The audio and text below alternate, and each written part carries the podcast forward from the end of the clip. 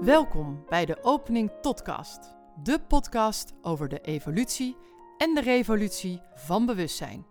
In deze podcast gaan we het onder andere hebben over ziel en bewustzijn, archetypen als de bouwstenen van bewustzijn en de nieuwe mens, de nieuwe tijd en de overgang daar naartoe.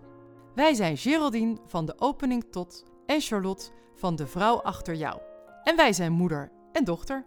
Wij hopen hiermee inspiratie te bieden voor jouw eigen evolutie.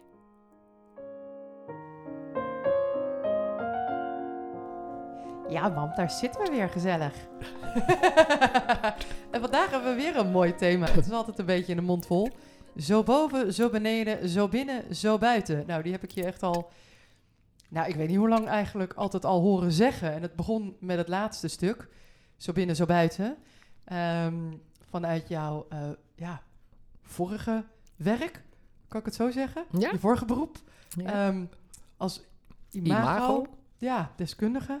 Ehm, en daar kwam zo boven, zo beneden eh, bij.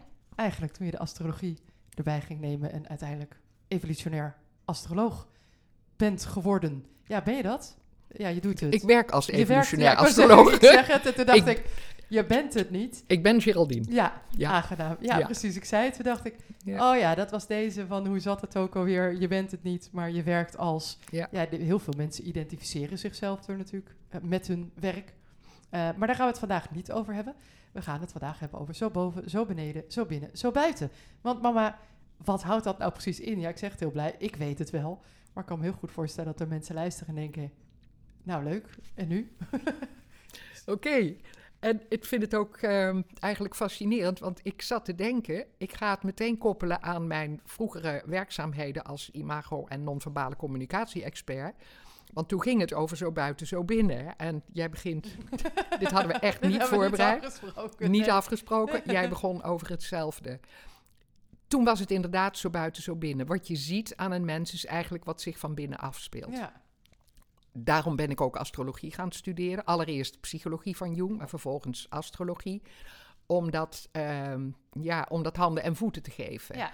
En vervolgens kwam ik natuurlijk, en dat wist ik ook al lang, op zo boven, zo beneden. Ja. Alles hangt met elkaar samen.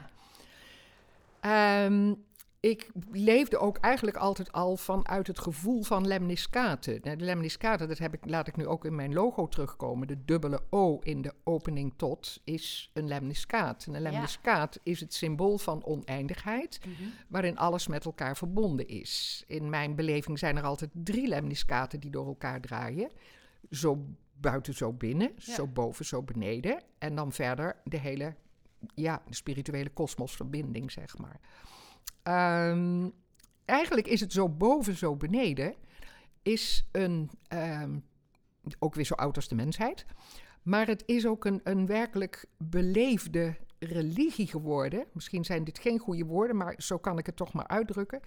eh, door de hermetisten. Het hermetisme was een, ehm, een, een, een, een richting, een, een geloofsrichting, een Mhm. geloofsgroep, al voor de geboorte van Christus, die uitgingen van zo boven, zo beneden. Oké.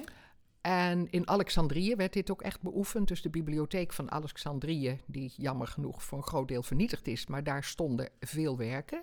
Ja. En de bekendste eigenlijk, eh, die ehm, verkondiger van dit woord, is Hermes Trismegistos. Ik vind die naam zo mooi. Ja, dat is een hele mooie naam. Hermes, de driemaal wijze.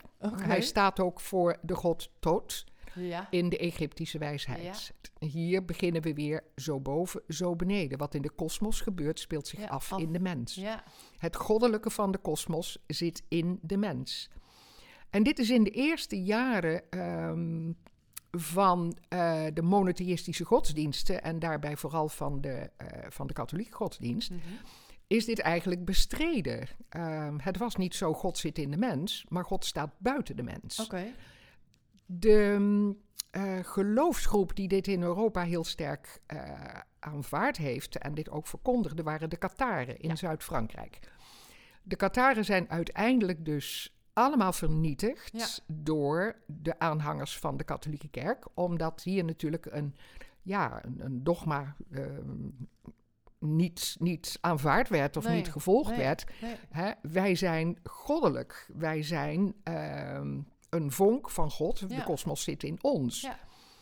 Het fascineert mij enorm dat we nu dus in deze tijd...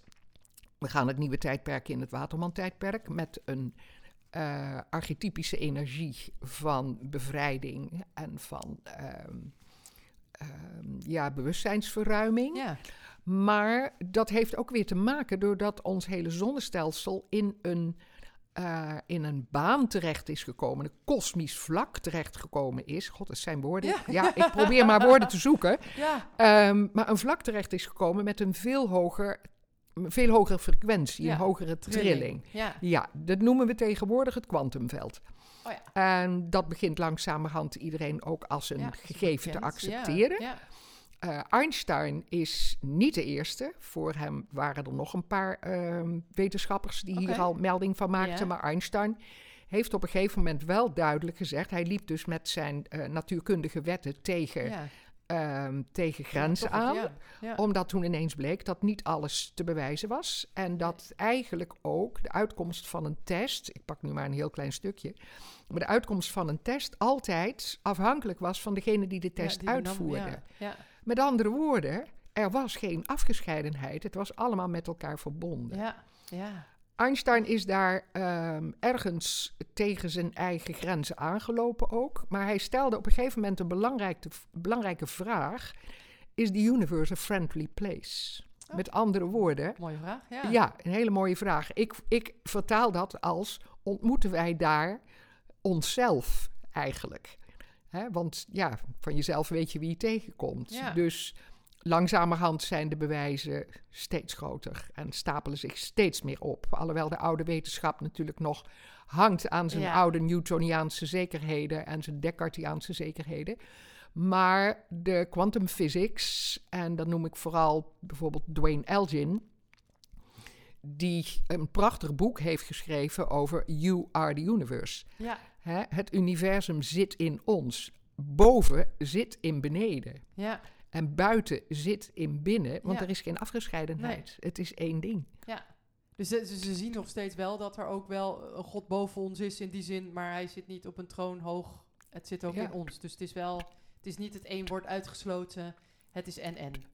Het is en-en, maar ik denk dat het steeds ehm, lastiger wordt om duidelijke woorden te gaan vinden over wat God is. Ja, Omdat God natuurlijk eh, in, de, in de religies gezien wordt als een, een, een, een al of niet liefdevolle kracht buiten de mens, Ja. die de mens aanstuurt en waar de mens eh, afhankelijk en onderdanig van is. Maar langzamerhand weten wij dat eh, er niks buiten ons bestaat wat niet ook in ons is. Dus het woord God eh, wordt al heel veel vervangen door eh, de bron. Ja.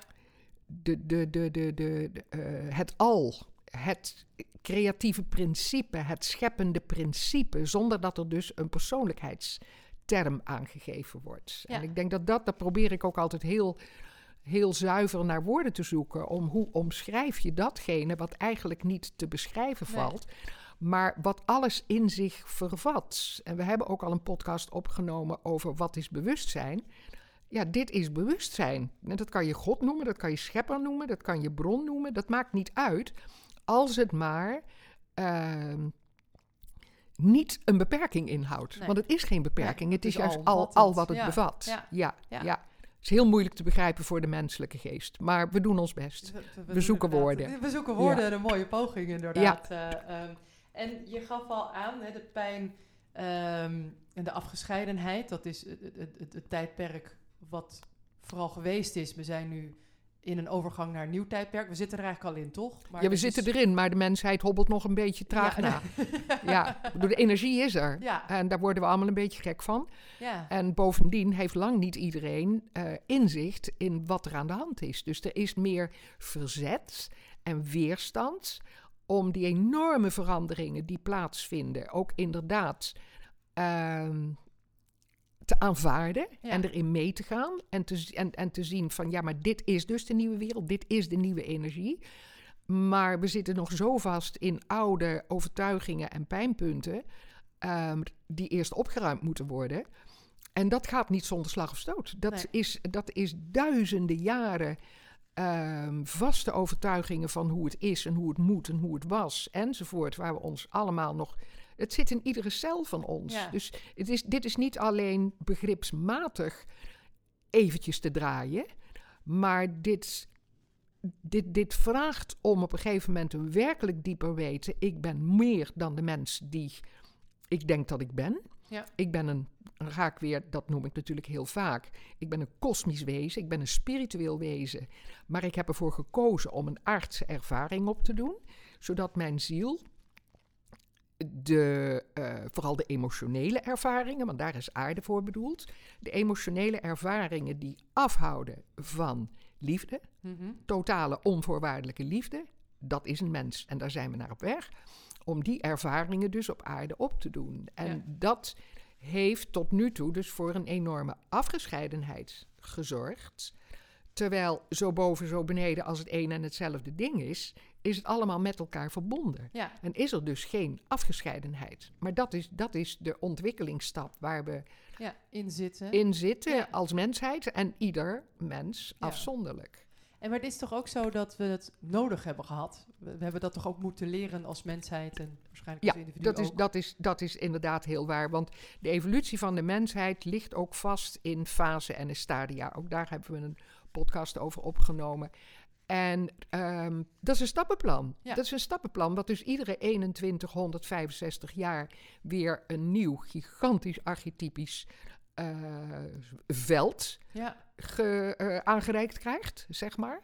Waardoor de hele mensheid en de aarde en de dieren en de planten en al, al, al, al wat is Mhm. in de derde en de tweede, derde en vierde dimensie, ehm, weer een nieuw stuk aan bewustzijn kan toevoegen. En zo gaat er dus iedere, ieder tijdvak, zeg maar, en het kosmisch klopt het ook helemaal. Het is fascinerend om te zien hoe dat die creator dat zo in elkaar Ja. heeft geknutseld. Want zo werkt het toch? Ehm, heeft de mensheid het ook tot nu toe nodig gehad om dus de afgescheidenheid werkelijk te ervaren. Ja. Om zodoende nu de hunkering en het verlangen naar die liefdevolle samenleving. En Ja. dat wat wij dus werkelijk zijn, dat we uiteindelijk kunnen gaan zijn wie we zijn. Maar we hebben moeten ervaren dat we dat kwijt waren. Dus Ja. er is echt een verlies geweest, maar dat Ja. was de bedoeling. dat om- was om ook echt de dat bedoeling. gevoel nog groter eigenlijk in jezelf en in de mensheid te maken. Ja, Eh, anders is die drang er ook minder. Dan denk je, nou ja, oké, ja, oh, ja, is goed. Ja. Maar nu is er echt een noodzaak. ja, En dat, dat, Ja. ja. dat heb je dan toch altijd wel echt nodig. ja. En is dat dan ook, ik moet nu denken, in de webinars ehm, herinner ik me, kwamen er ook wel eens vragen of opmerkingen van mensen die zeiden, ja, ik, ik, ik voel die, die pijn heel erg. En, en, en ook een soort, ja, ik weet niet of doelloosheid dan een goed woord is, maar het, het ja, waarom ben ik hier dan? Wat, wat, hoe, ja. heeft dat hiermee dan te Ja, maken? dat heeft hiermee te maken. En een beter woord is denk ik een gevoel van zinloosheid. Ja, en heimwee. En, het- en ook een gevoel van heimwee. Ehm, nogmaals meer, ieder mens is, ehm, heeft een unieke achtergrond. En we komen niet allemaal, onze levens hebben niet allemaal zich op aarde afgespeeld. Er leven nu ook, zeker in deze tijd, heel veel mensen wiens ziel de oorsprong heeft eh, in andere sterrenstelsels. Er zijn veel zielen die afkomstig zijn van de Pleiade. En de, de Pleiade is vijfde dimensie ehm, met de trilling van liefde ja. waar wij naar op weg zijn. Ja. Wij, lig- wij leven nu in het Pleiadisch lichtbaan. Dus wij zijn daar naar op weg. En er zijn veel mensen nu geïncarneerd die dit weten in zich hebben. En die dus nu ook die enorme pijn van afgescheidenheid voelen. En dan als mens denken: ik wil dit niet meer, ik wil terug, ik wil terug naar huis, ik wil Ja. terug naar de bron, enzovoort. Ehm, maar aan de andere kant, iedere ziel heeft bewust gekozen voor incarnatie. Ja. Ehm, sowieso door alle levens heen, om thema's te evolueren, om steeds meer liefde te kunnen worden. Ja. Ehm, maar we hebben ook zeer bewust gekozen nu om in deze tijd te incarneren. A, omdat het het moment is om een gigantische evolutiesprong te maken in Ja. bewustzijn. Want er gebeurt zoveel, dus we kunnen echt enorme sprongen maken. Maar B ook om ook bij te dragen nu, door dat verder geëvolueerde zielen die de trilling van liefde kennen, dat die nu dus dit mee kunnen geven aan de mensen die het nog niet kennen en die daar nog, ja, ze kennen het wel in hun wezen, Ja, maar, niet in hun, mens zijn. Ja. Hè? En wellicht is ook het bewustzijn nog iets minder breed, waardoor ze het ook nog niet zo kunnen ervaren. Ehm, maar ook deze zielen hebben er dus voor gekozen om hierin te ondersteunen. Ja. Om, dit is echt een, een, een, een, eh, een mensheidsproces, zeg Ja. maar. Dit, dit is geen eenlingenproces. Dit is een watermanproces. Wij samen. Ja. Maar iedereen voor zich. Leeuw, de Ja. andere kant van de as. Dus dat heimweegevoel, dat heeft te maken met het feit van... ik weet zo goed hoe het moet. Ja. En ehm, ik krijg het hier niet voor elkaar. nog niet te pakken. En toch is daar, ligt daar juist de uitdaging voor deze zielen. Je hebt hiervoor gekozen. Dus het is ook voor je ziel nodig om deze ehm, uitdaging aan te gaan. En om het echt in het dagelijks leven. En voor deze mensen is het heel vaak het grote probleem. Niet voldoende in het lichaam eh geïncarneerd. Dus zodra ze al, al vaak in de baarmoeder. Dat de ziel dacht van ik wil dit niet, kan ik nog terug? Nou nee dus. Ehm, soms ook pas dat de ziel pas later in het lichaam incarneert, omdat hij eigenlijk aarzelt. Ehm, en dat heel vaak dan in deze, in deze eh, eh, laat ik zeggen, gevallen, het zijn natuurlijk geen gevallen, maar dat in deze situaties eh, de gronding, de werkelijke gronding, ehm, niet totaal is geworden. En Ja. met gronding bedoel ik echt niet alleen dat je met je voeten de aarde kunt voelen. Met gronding is werkelijk de verbinding met het lichaam. Het zijn in het lichaam, de acceptatie van het lichaam, met, met, met, met het ouder worden, met de pijnen, met de afwijkingen, met het model, met wat je ervan verwacht, noem maar op. Ehm, het volledig in het lichaam zijn, want in het lichaam zit de, eh, de link naar de groei van de ziel. Ja, Niet Nou, in het hoofd. nee. Niet nee, in het hoofd. Nee, Nee. in het geheel Ja. inderdaad. Ja. Ja. Nou ja, volgens mij, we hebben het daar ook al vaker over. eh, ja, Zijn dit ook nog mooie thema's om een eh, andere keer ja. verder te behandelen? ja, we zullen een lijstje maken. Ja, ik denk dat Ja. we dat moeten doen, want we roepen heel vaak... oh, dit is ook nog een podcast. Dus eh, nou, laten we dat meteen eh, gaan doen. En dan ronden we bij Is deze goed. weer af. Oké, Leuk. prima. Dankjewel, Charlotte. Dankjewel, mama. Deze podcast wordt gemaakt door Geraldine Pontenagel van de opening tot, met twee O's, evolutionair astroloog, en haar dochter Charlotte Roels van De Vrouw Achter Jou. Zij is theatermaker en storyteller. En nu dus ook podcastmaker.